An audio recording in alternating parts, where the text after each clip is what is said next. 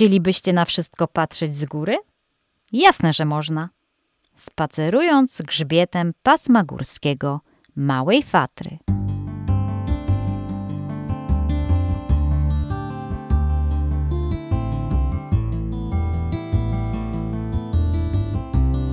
To jest podcast Klubu Polskiego.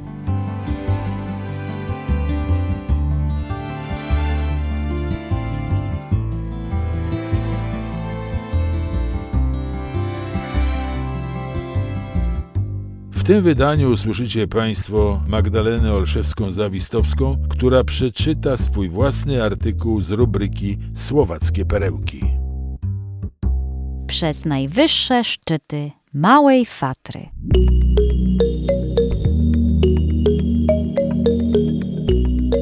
Sobotni poranek w górach z unoszącą się mgłą w dolinach, budzącą się po nocy przyrodą, orzeźwiającym powietrzem i wstającym słońcem, gotowym na nowy dzień.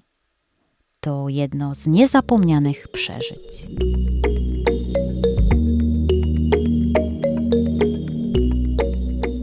Kawa o poranku w tak pięknym otoczeniu przyrody smakuje jeszcze lepiej. Delektowałam się małą czarną, podczas gdy moja znajoma przyniosła śniadanie, zamówione w bufecie schroniska Chata pod chlebem.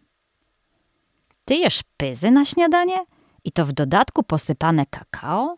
Zapytałam zaskoczona. Wówczas nie wiedziałam jeszcze, co to takiego parene buchty, czyli wielkie okrągłe kluchy z ciasta drożdżowego, nadziewane czekoladą lub dżemem śliwkowym czy morelowym, przygotowywane na parze i posypane cukrem lub kakao. W Wielkopolsce, skąd pochodzę, buchty nazywamy pyzami i jemy z różnymi sosami, najczęściej myśliwskim lub grzybowym, ale nigdy na słodko.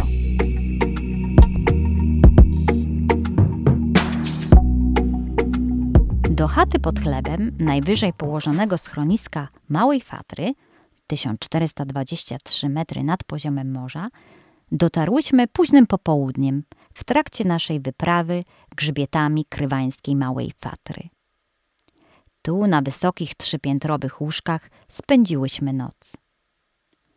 Schronisko wybudowano w latach trzydziestych ubiegłego stulecia. Zostało spalone przez wycofujące się wojska niemieckie pod koniec II wojny światowej. Odbudowane kilka lat później ponownie spłonęło. Pozostało jedynie gospodarskie pomieszczenie, na którego fundamentach postawiono obecną drewnianą chatę.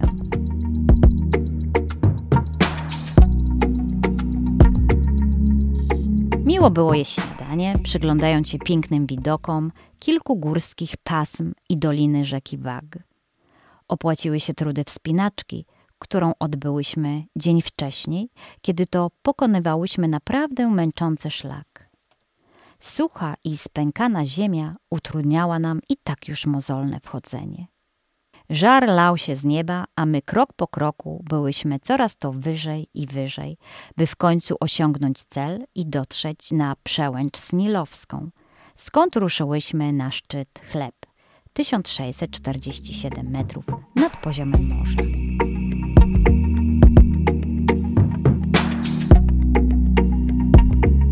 Kolejnego zaś dnia kontynuowałyśmy naszą wyprawę grzbietami krywańskiej Małej Fatry. W oddali zostało schronisko, które wyglądało jak mała czarna kropeczka, a my z uśmiechami na twarzy wędrowałyśmy wąską ścieżką prowadzącą skalną granią. To jedna z najciekawszych tras w Małej Fatrze, gdyż prawie cały czas biegnie grzbietami gór, z których roztaczają się malownicze widoki. Cieszyłam oczy intensywnie niebieskimi ostróżkami tatrzańskimi, skąpanymi w złocistych trawach, fioletowymi goryczkami klusjusza, różowymi goździkami oraz innymi rzadkimi chronionymi roślinami.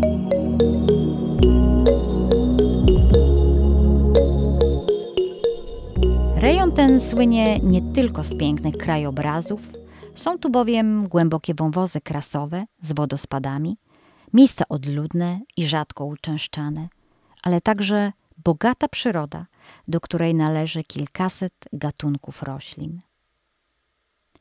Rozkoszowałyśmy się widokiem stromych skał, ale także rozległymi halami i długimi, głębokimi dolinami porośniętymi lasami.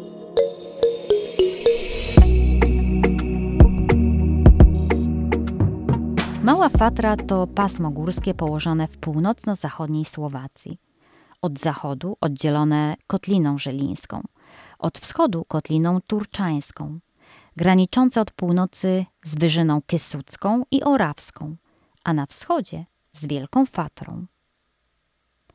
Cechą charakterystyczną Małej Fatry są wapienne utwory skalne, tworzące bardzo masywne szczyty, liczne urwiska i progi skalne.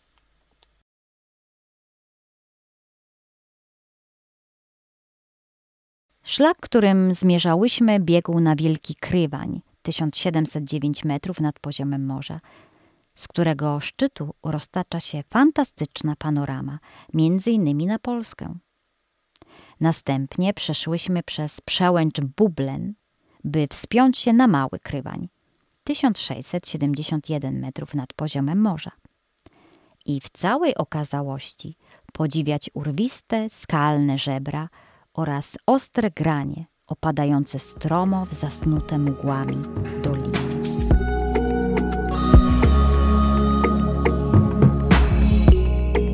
Lato i wakacje sprzyjają górskim wędrówkom. Spakujmy zatem plecak i ruszmy w góry, gdzie czekają na nas prawdziwe cuda natury.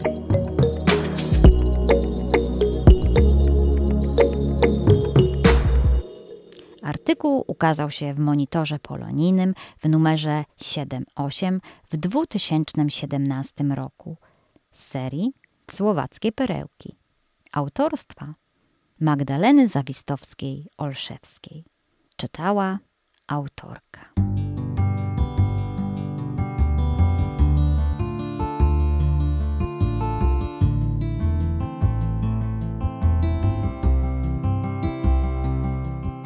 Ten tekst możecie Państwo przeczytać na stronie internetowej www.polonia.sk.